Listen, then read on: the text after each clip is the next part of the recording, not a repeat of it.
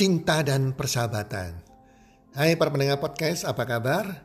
Di mana pun teman-teman berada saat ini, harapan dan doa kami semoga teman-teman dalam keadaan sehat walafiat dan berbahagia. Dan pasti-pastinya rezeki Anda akan makin bertambah dari hari ke hari. Dan keberuntungan serta kesuksesan selalu menyertai Anda di sepanjang tahun ini.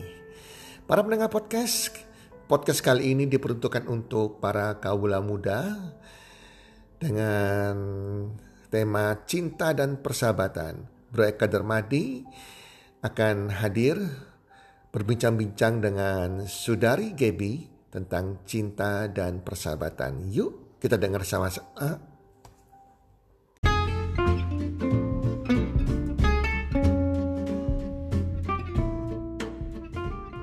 Halo semua, pada episode podcast kali ini dengan judul Cinta dan Persahabatan. Nah, pada episode kali ini saya mengundang teman saya Gebi. Halo Gebi. Hai Ko Eka. Hmm, thank you ya Geb udah mau datang ke acara podcast ini ya Gebi ya. Iya, sama-sama aku juga senang sudah bisa diundang ke podcast ini.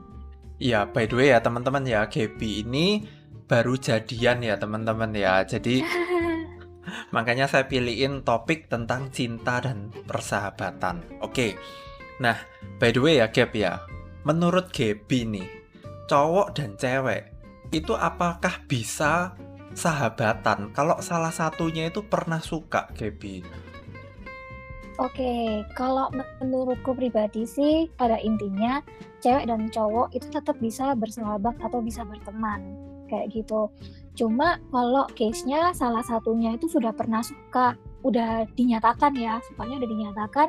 Nah, itu beda lagi sih ceritanya. Sebenarnya sih bergantung pada masing-masing pribadinya. Karena ada beberapa case itu yang oh ya sudah bisa maksudnya dua-duanya bisa terima ya. Oh, sorry, uh, aku nggak bisa terima cintanya, misalnya kayak gitu tetap bisa casual hubungannya kayak seperti biasa ada. Tapi ada juga yang itu butuh waktu.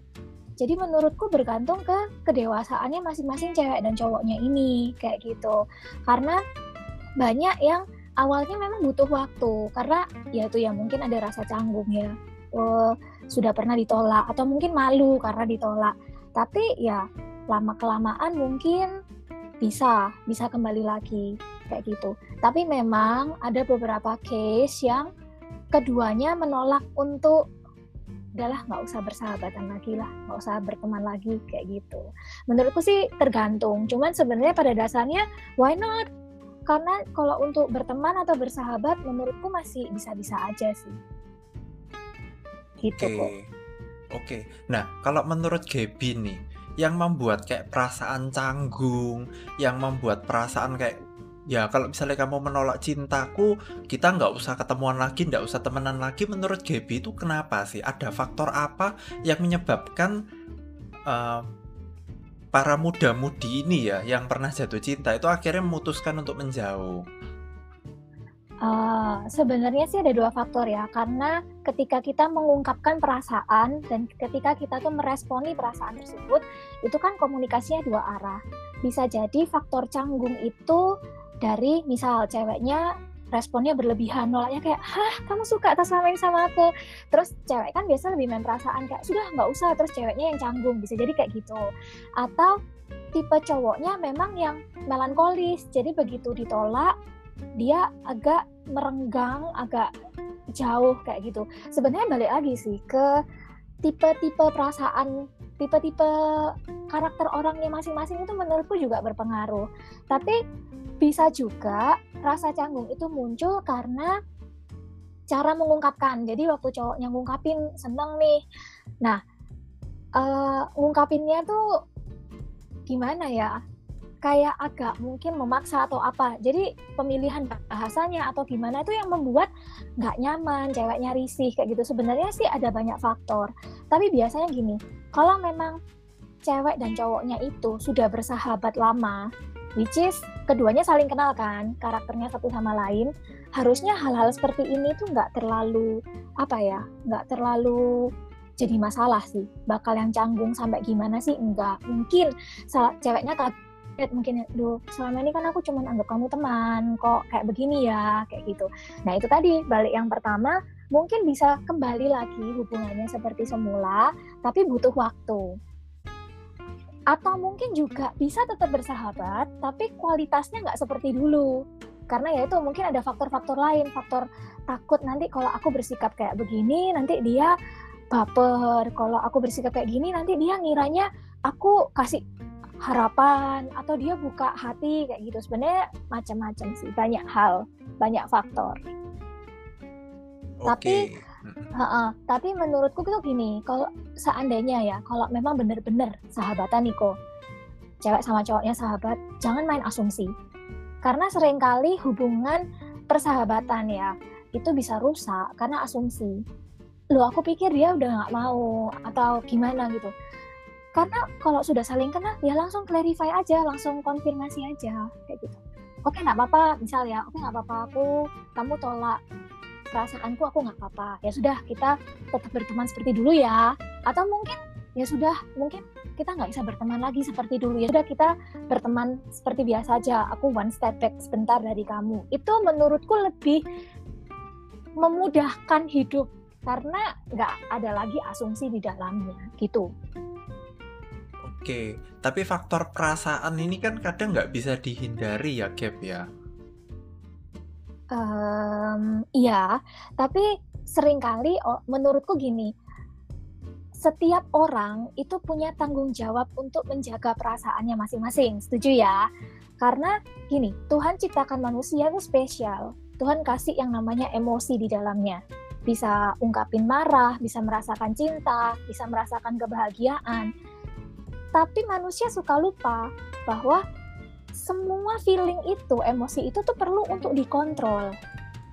Jadi kalau misalnya bilang ada faktor perasaan, yes benar, tapi harus ingat bahwa ketika kita memutuskan untuk jatuh cinta, ketika kita memutuskan untuk suka sama seseorang, itu awalnya driven by feeling. Menurutku ya, ini menurutku. Mungkin pandangan orang bisa beda-beda. Pertamanya driven by feeling. Tapi untuk menindaklanjuti feeling itu, menurutku itu butuh yang namanya keputusan yang melibatkan otak, menimbang segala konsekuensinya, kira-kira bisa nggak ya aku sama orang ini? Khususnya di case persahabatan, mungkin aku nggak pernah ngalami precise yang yang sampai kasusnya rumit ya. Tapi pasti ada pemikiran kalau aku mengungkapkan perasaan kira-kira bakalan bisa nggak ya uh, tetap bersahabat? Atau kira-kira apa jangan-jangan kita udah nggak bisa berteman lagi ya? Kayak gitu. Jadi ya benar melibatkan perasaan tapi harus dikontrol. Karena salah satu Bible verse yang paling aku suka adalah jagalah hatimu dengan segala kewaspadaan karena dari situlah terpancar kehidupan. It means kalau kita tuh nggak mau hidup kita ribet karena dipermainkan oleh perasaan, kita sebagai manusia harus punya kontrol, harus punya kemampuan untuk manage perasaan kita sendiri seperti apa. Karena gini kok, ketika kita berani mencintai seseorang, berarti kita harus siap untuk disakiti. Kalau kita berani menyatakan, berarti kita harus berani untuk siap ditolak. Nah, mindset ini harus dipunya dulu.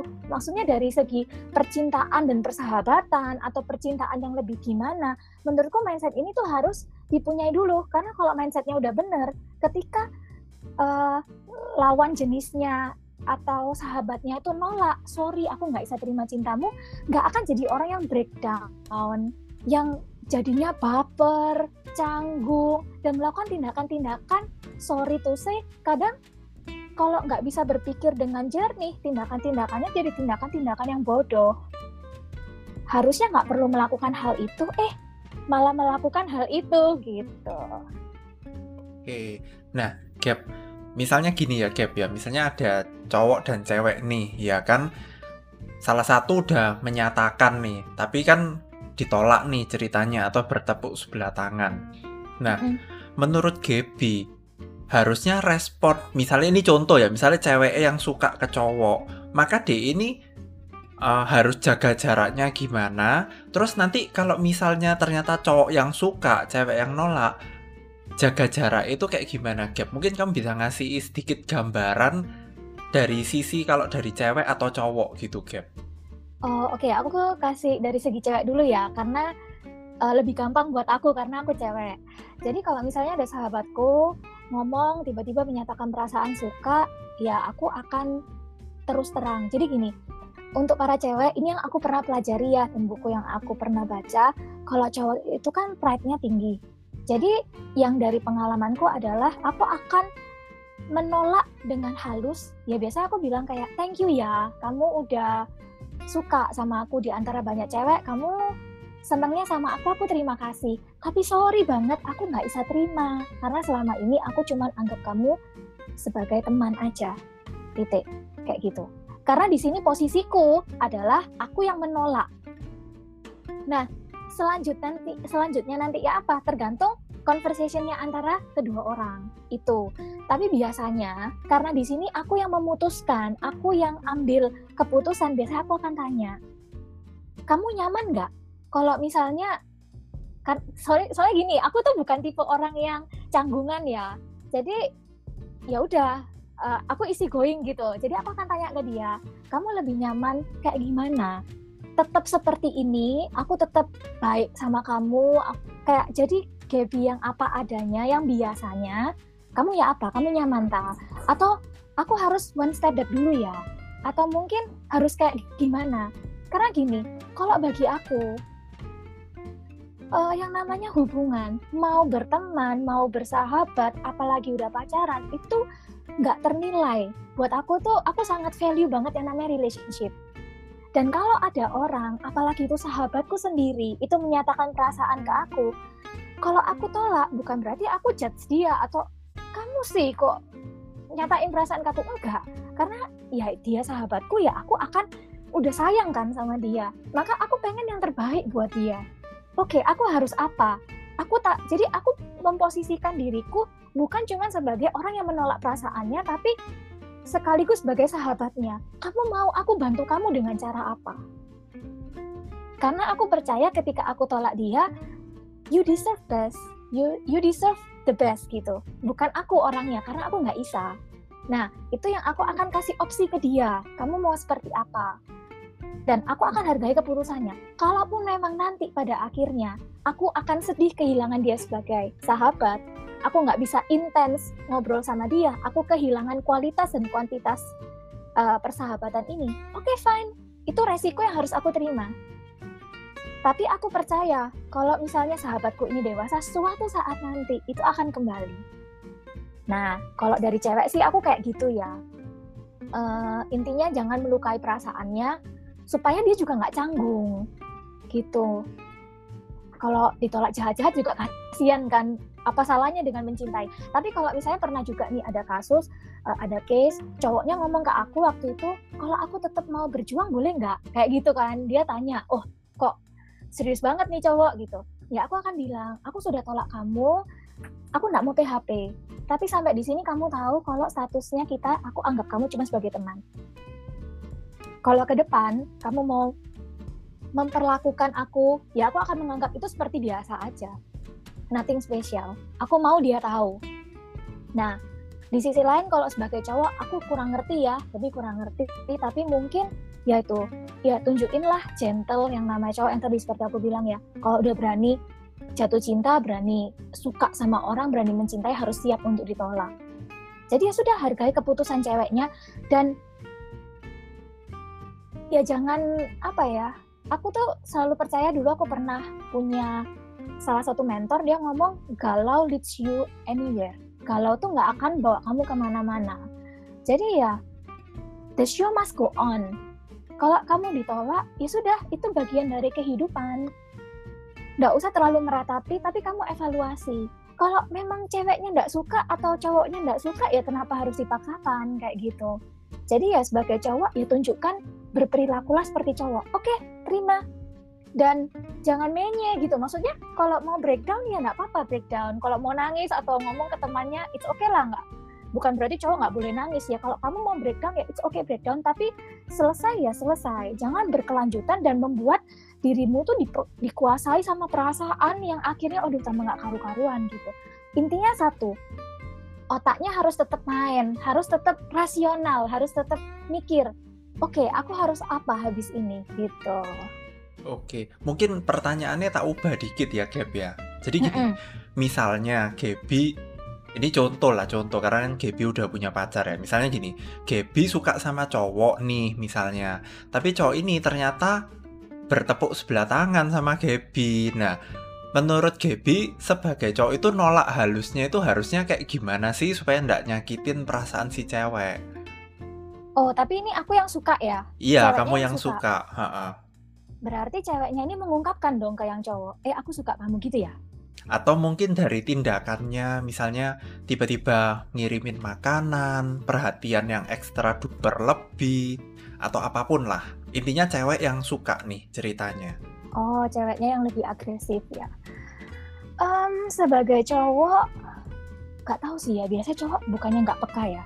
Jadi dia nggak kerasa kalau itu hal yang hal lagi dia lagi dideketin sama cewek gitu. Aku nggak tahu sih. Tapi biasanya setauku cowok itu kan lebih nggak peka. Cuman kalau sebagai cowok gimana cara nolaknya? Kalau cowoknya baik ya nggak perlu frontal ngomong eh sorry ya aku cuma nganggap kamu teman. Tapi mungkin bisa dari pembicaraan apalagi namanya teman ya. Aku percaya lah apalagi yang namanya sahabat kualitas pembicaraannya tuh pasti lebih lebih deep lebih terbuka daripada teman biasa. Ya udah ngomong aja. Walaupun nggak secara langsung frontal tapi disinggung-singgung dikit lah. Misal gini eh terima kasih ya kamu ini temanku yang baik loh. Mungkin. Jadi ditekankan statusnya kamu tuh teman. Seneng aku punya teman dan sister kayak kamu. Mungkin bisa ditambah embel-embel seperti itu. Dan sebagai cowoknya juga apa ya harus pinter-pinter lihat sih. Kalau mungkin dia sudah merasa diburu atau dia udah merasa ini kok kayaknya ceweknya deketin aku ya. Ya cowoknya harus stop berani untuk cut kayak ya jangan semua semua diterima diladeni gitu.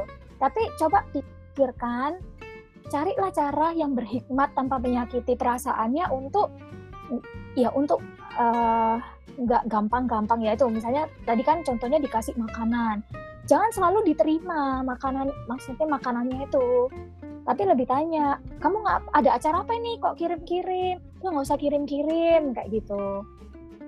Dibuat casual aja. Tergantung sih aku nggak bisa ngomong sakleknya kayak gimana ya. Karena setiap orang punya cara berteman yang beda-beda. Karena kalau modelanku frontal jadi langsung ngomong aja. Kayak nggak cuma nganggap teman. Dan teman-temanku juga kayak begitu rata-rata. Yang teman deket ya yang sahabatku juga ngomong jangan suka sama aku ya cuma tak anggap teman kayak gitu. Gitu sih. Oke. Nah, kalau misalnya nih, misalnya nih, oke, misalnya ada si cewek ya, karena kan kamu cewek ya, kamu suka, kamu suka sama cowok dan cowok itu memang akhirnya merespon kamu dengan intinya kamu sudah tak anggap seperti adik sendiri atau teman, intinya kan nolak halus ya. Nah, Mungkin kamu bisa ngasih tips nggak Gap buat para sister-sister di luaran sana yang mungkin lagi galau nih saat ini mendengarkan ini. Gimana caranya si cewek ini untuk menetralkan atau menghilangkan rasa bapernya ini kepada cowok yang bertepuk sebelah tangan itu Gap? Oke, okay. uh, eh, yang pertama adalah kamu harus bisa mengenali dirimu sendiri. Karena aku percaya setiap orang itu dikasih Tuhan namanya hati nurani gitu. Maksudnya bisa sense perasaannya dan kamu harus benar-benar mengenali itu.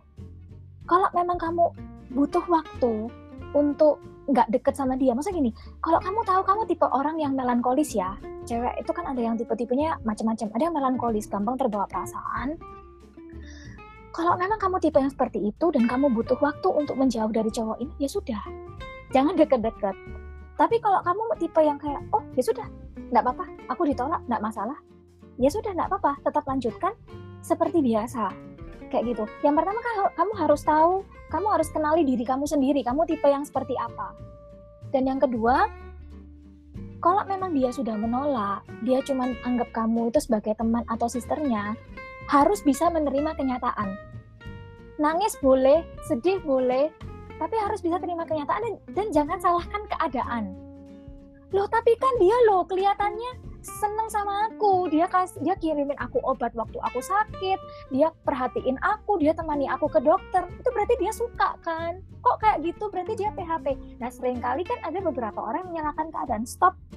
Terima keadaanmu waktu itu. Jangan salahkan keadaan. Jangan salahkan orang-orang di sekitarmu. Udah terima aja.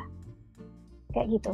Dan yang ketiga ketika dalam masa-masa proses healing seperti itu cewek itu rapuh dan cewek itu siapa sih yang nggak suka perhatian?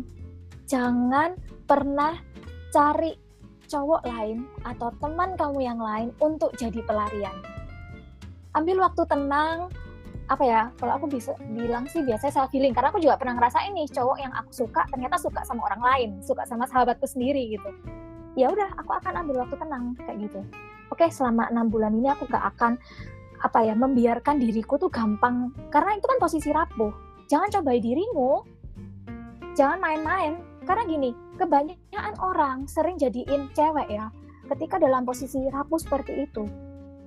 Cari orang lain untuk jadi pelarian dia akan mengulangi siklusnya itu sama terus. Kayak gitu. Dan yang terakhir mungkin uh, coba cari sesuatu aktivitas yang membangun. Aktivitas lakukan hobi kamu cari komunitas yang membangun untuk supaya cepat menghilangkan rasa sakit uh, perasaan ini ya. Terus baca-baca buku atau cari sesuatu yang menyenangkan dan harus ingat bahwa jangan pernah ini yang jadi prinsipku ya, yang sampai sekarang aku belajar, jangan pernah menggantungkan kesenanganmu atau rasa amanmu kepada sahabat atau manusia, apalagi lawan jenis. Jangan sampai punya ketergantungan emosi yang terlalu berlebihan.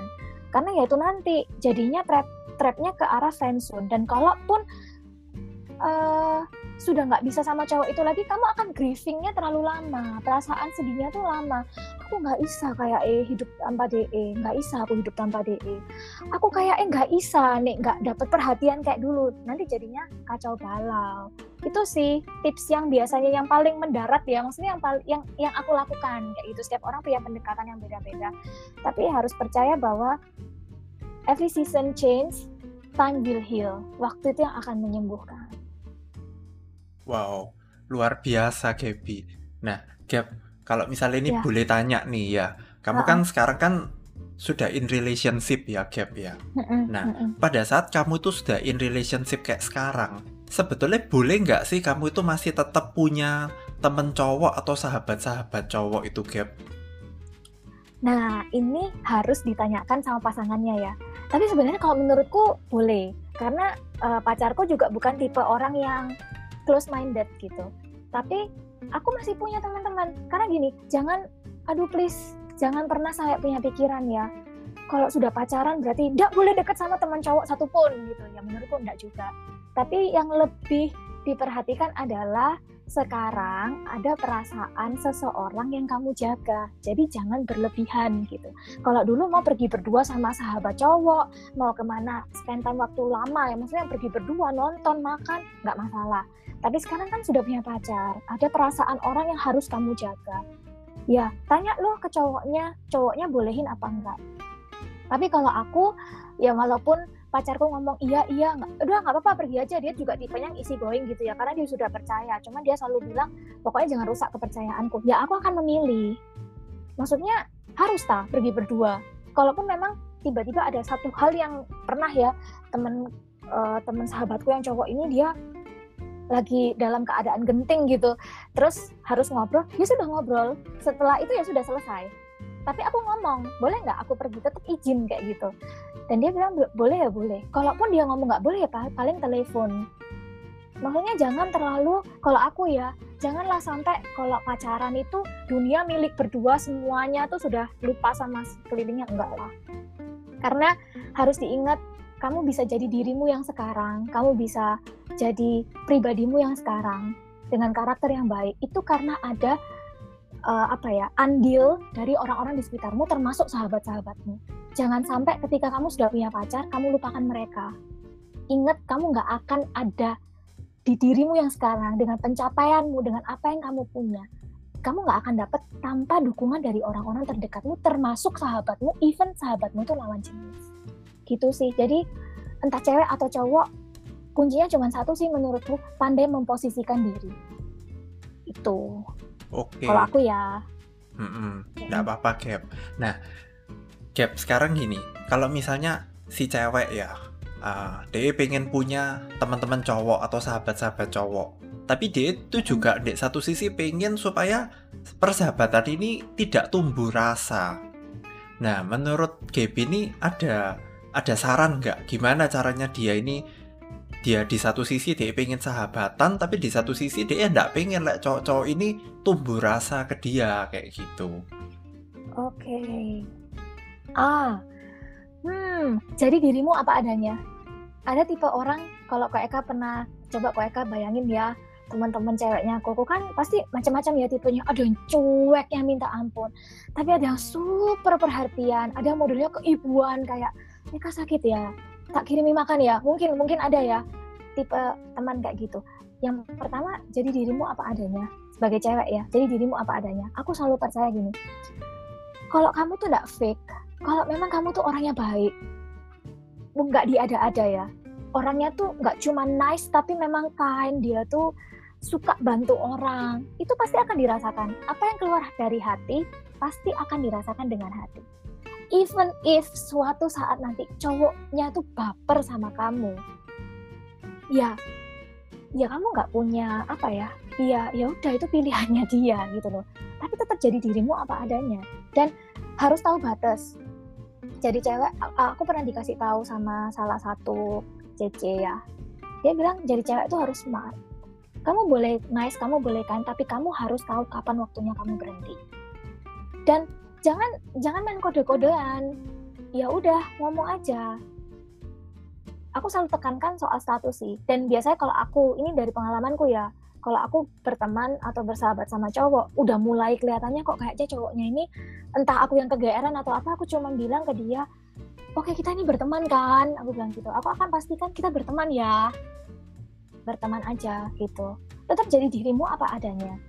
Jangan dibuat-buat karena nanti bakalan susah. Kalau kamu nggak kebiasaan untuk cuek ya jangan jadi orang yang cuek. Tetap apa adanya aja.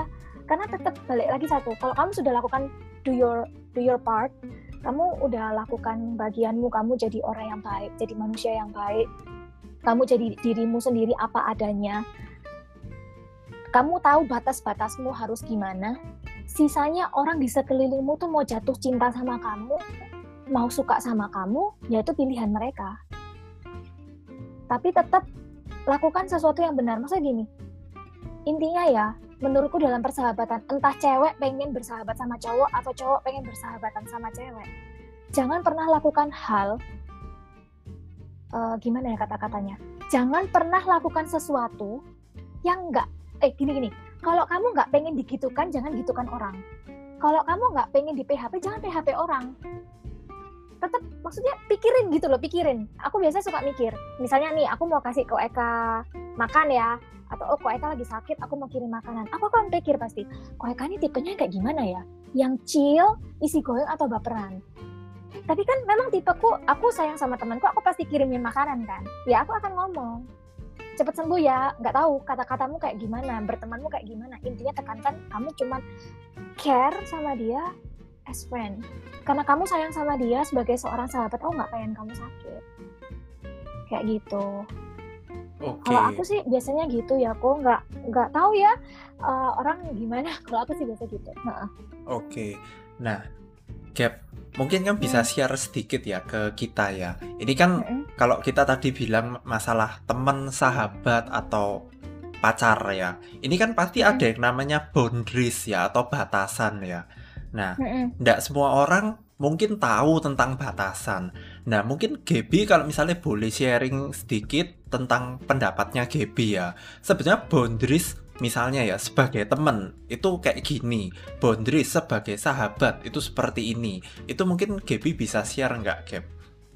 Oke, kalau kita ngomong soal boundaries antara dua orang atau lebih, itu harus ada yang namanya kesepakatan. Karena kadang standar boundariesku dengan orang lain beda. Bagi aku nggak masalah kayak gini, tapi bagi orang lain, doh, kamu kok ngelakuin hal ini ya? Jadi ada kesepakatan. Dan biasa gini, kalau itu cuma temen biasa, temen yang ya teman sekolah gitu nggak pernah ketemu nggak nggak sering quality time ya intinya bukan apa ya uh, circle yang deket sama kamu ya ya udah. Kalau misalnya contoh aku kasih gampangannya yang terjadi sama aku aku tuh suka tanya ke temenku yang anterin aku kamu udah sampai rumah belum? Ternyata itu pernah case baper cowoknya gitu ke aku. Nah dari situ aku belajar gini, kalau memang itu temen-temen kamu yang nggak seberapa deket, yang ya cuma temen main lah, cuma temen asik-asikan, ya nggak usah terlalu menunjukkan gesture yang gimana ya. Kayak ya apa adanya biasa aja. Nggak usah berlebihan. Gitu. Uh, contohnya ya nggak usah tanya sudah sampai rumah belum? Eh nanti sampai rumah kabarin aku ya. Kayak gitu. Atau kamu lagi sedih ta? Maksudnya apa ya? Kayak terlalu berlebihan banget gitu loh. Tapi kalau sahabat ya namanya sahabat kan gini. Kalau ngomong soal boundaries itu nggak cuman ngomong tapi harus bisa ngeliat harus pinter-pinter nilai temen kamu nih tipenya sahabat kamu nih sahabat yang seperti apa. Kalau misalnya dia uh, tahu dengan kamu melakukan hal itu dia biasa-biasa aja dan sahabatmu ini udah bener-bener tahu ya kita ini statusnya cuma temen ya sahabat ya brother and sister misalnya gitu ya ya sudah nggak apa-apa gitu. Tapi mungkin kalau aku aku orang yang frontal aku akan tanya karena ini sahabatku kan deket kan? Aku aku tanya eh kalau aku ngelakuin hal ini kamu uh, ini nggak nyaman nggak? Gitu. Ya kayak gitu sih. Aku harus kalau aku tuh namanya boundaries punya levelingnya beda-beda. Aku nggak akan melakukan sesuatu sama seperti aku memperlakukan sahabatku. Sahabatku mungkin aku perlakukan seperti ini, temanku nggak akan aku perlakukan seperti ini, gitu. Tapi kalau misalnya dan menurutku itu tadi ya harus ada yang namanya kesepakatan. Harus sama-sama ngerti. Karena pada akhirnya kalau misalnya nih aku melakukan sesuatu ke Koek, aku melakukan sesuatu ke Koeka. Tapi Koeka nggak ngerti kalau itu tuh boundariesku. Koeka bisa asumsi dong. Loh, cewek ini seneng ya aku. Kok cek perhatian nih? Cewek-cewek lain loh nggak kayak gitu kan kok Eka nggak kenal kalau aku orang yang care, orang yang kind, saya kayak gitu suka bahasa kasihku. Nah ini bahasa kasih ini penting nih. Bahasa kasih sahabatku tuh ternyata kasih barang, kirim makanan, kasih barang, barang yang unyu-unyu kayak gitu. Itu yang harus harus ada kesepakatan dan biasanya akan lebih mudah kalau sama sahabat. Karena menurutku gini loh kok, kenapa sih kok sering kali itu terjadi friendzone? Ya itu karena rasa nyaman itu rasa nyaman yang dipupuk ih nyaman ya sama sahabatku dia yang paling ngerti aku. Dia selalu ada ketika aku butuh. Ya akhirnya gak jelas statusnya. Gitu. Makanya boundaries itu perlu jangan apa ya ya coba di leveling lah. Oh dia teman dia sahabat dia pacar. Kayak gitu sih. Nggak ada aku nggak bisa kasih batasan yang strict yang jelas seperti apa. Tapi jadi cewek harus smart harus pinter untuk uh, ber, berperilaku baca harus bisa baca peka sama sahabatmu ini tipenya yang seperti apa. Kalau dia tipenya galauan dia tipenya baperan jangan dicobai. Jangan coba-coba uh, kamu kamu lagi sedih ta? Tak temeni ya? Kamu nggak bisa tidur ya? Ya wes tidak apa-apa. Tak temeni kamu sampai kamu bisa tidur. Waduh ya baper cowoknya kayak gitu. Oke oke. Nah Gap, uh, hmm. mungkin gini, kamu boleh nggak share something lagi nih? Jadi gini, para sister di sini ya, misalnya dia itu merasa gini, ya apa sih caranya cewek itu bisa menilai cowok ini baik atau enggak layak untuk dijadiin istilahnya teman atau sahabat. Nah, Gaby mungkin bisa share dikit lah ketika kamu melihat melihat seseorang gitu ya entah mungkin cowok lah ya untuk specifically untuk cowok kamu itu kamu itu punya nilai-nilai itu ya apa? Filternya itu kayak gimana Gap? Oke. Sebenarnya intinya cuma satu waktu yang akan menjawab. Karena kita bukan cenayang ya kita bukan dukun yang bisa ngelihat begitu orang muncul di depan kita kita langsung bisa screening gitu. Oh ini orangnya gimana gimana gitu. Enggak. Itu tetap butuh waktu. Nah Cara yang paling gampang selain yang pertama itu adalah waktu. Coba kamu lihat cara dia memperlakukan orang lain. cara dia memperlakukan nggak cuman ke dirimu toh ya bukan cara caranya dia nggak cuma memperlakukan kamu tapi bagaimana cara dia memperlakukan teman-temannya? Bagaimana cara dia bersikap bahkan sama orang yang dia nggak kenal contohnya satpam. Atau mungkin cara dia berinteraksi sama orang yang level ekonomi dan sosialnya lebih tinggi atau lebih rendah di bawahnya dia maka itu menurutku butuh banyak bergaul sih Nah, dari situ kan bisa lihat ini orang beneran baik apa enggak. Karena kita mesti hati-hati atau mungkin mungkin ya ada sister-sister pendengar podcastnya Kok Eka ini tipe yang cantik-cantik, yang populer, yang diincar banyak cowok. Ya pasti kalau cowok mau deket-deketin kamu, orang yang mau berteman sama kamu ya pengen supaya dapetin hatimu gitu loh. Entah untuk supaya bisa berteman atau bisa dapetin hatimu yang beneran bisa dijadikan pacar. Mereka harus buka mata lebar-lebar. Itu yang itu yang pertama ya. Tadi harus lihat, lihat pakai mata yang kedua, ngobrol. Orang itu bisa dinilai oke okay apa enggak ketika ngobrol. Apakah isi obrolannya itu tentang aku, aku, aku, aku terus? Oke, okay, fine. Berarti kamu bisa baca nih orang ini tipenya gimana. Oh, egois berarti ya. Karena dia dari awal sampai akhir pembicaraan ya ngomongnya tentang, iya, aku kerjanya ini. Dia nggak pengen tahu tentang kamu. Dia cuma pengen cerita tentang hidupnya. Bisa jadi kayak gitu. Walaupun memang kita nggak bisa just apa judge di first impression ya. Tapi itu bisa jadi uh, hal untuk lihat. Dan ketika kamu ngobrol kan pasti dia akan kan ngobrol tuh interaksi. Kamu pasti akan bisa lihat value-value-nya dia tuh kayak gimana. Atau kalau enggak sesekali coba lontarkan sesuatu tanyalah hal misal ngobrolin soal kerjaan wah lagi asik ngobrol let's say katakan sudah 20 menit nih ngobrol macam-macam coba uh, cari satu pertanyaan untuk mancing dia. Misalnya gini, oh menurutmu ya apa ya kalau misalnya punya temen, temennya itu gila jabatan di kantor, terus dia tuh penjilat, dia tuh pengen jatuhin kamu gitu. Nanti maksud itu contoh ya, nanti dia akan kasih saran kan. Dari situ dia bisa lihat, itu kita bisa lihat orang ini sepertinya ya apa ya, value-nya dia tuh gimana ya. Dari situ bisa.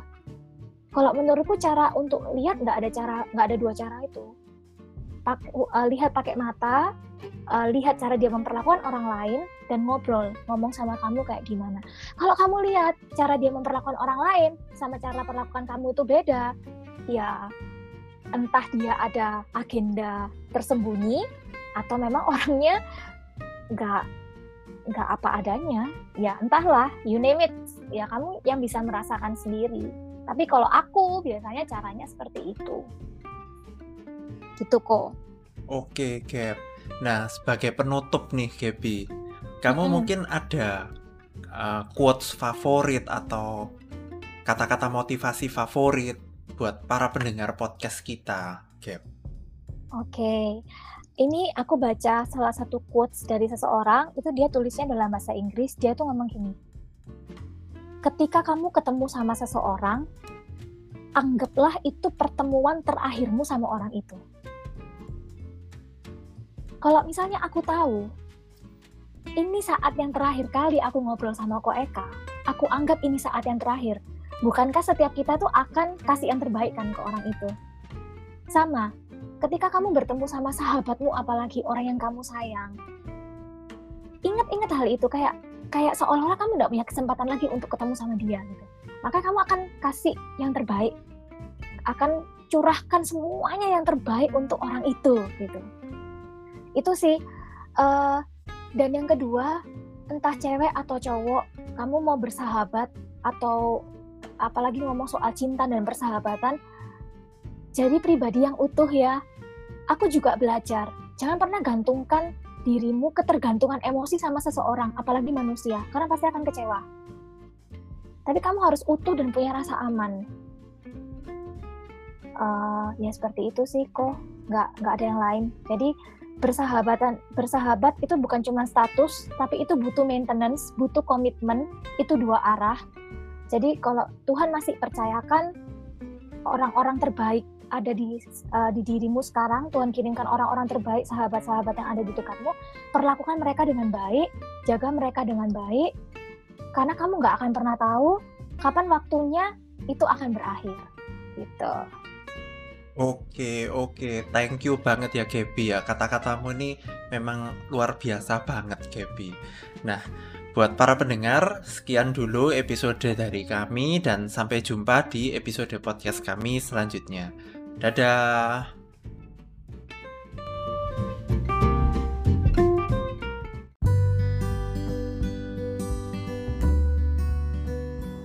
Terima kasih sudah mendengarkan podcast kami. Teman, jika Anda rasa bermanfaat podcast kami ini, Anda bisa menginfokan kepada rekan kerja Anda, keluarga Anda, teman ataupun sahabat Anda. Dan jika ada hal-hal yang Anda ingin tanyakan kepada kami ataupun topik-topik apa yang Anda ingin kami bawakan, kami sampaikan, Anda bisa DM kami di Instagram kami healthcommunity id Salam one two three, salam sehat, sejahtera dan bahagia.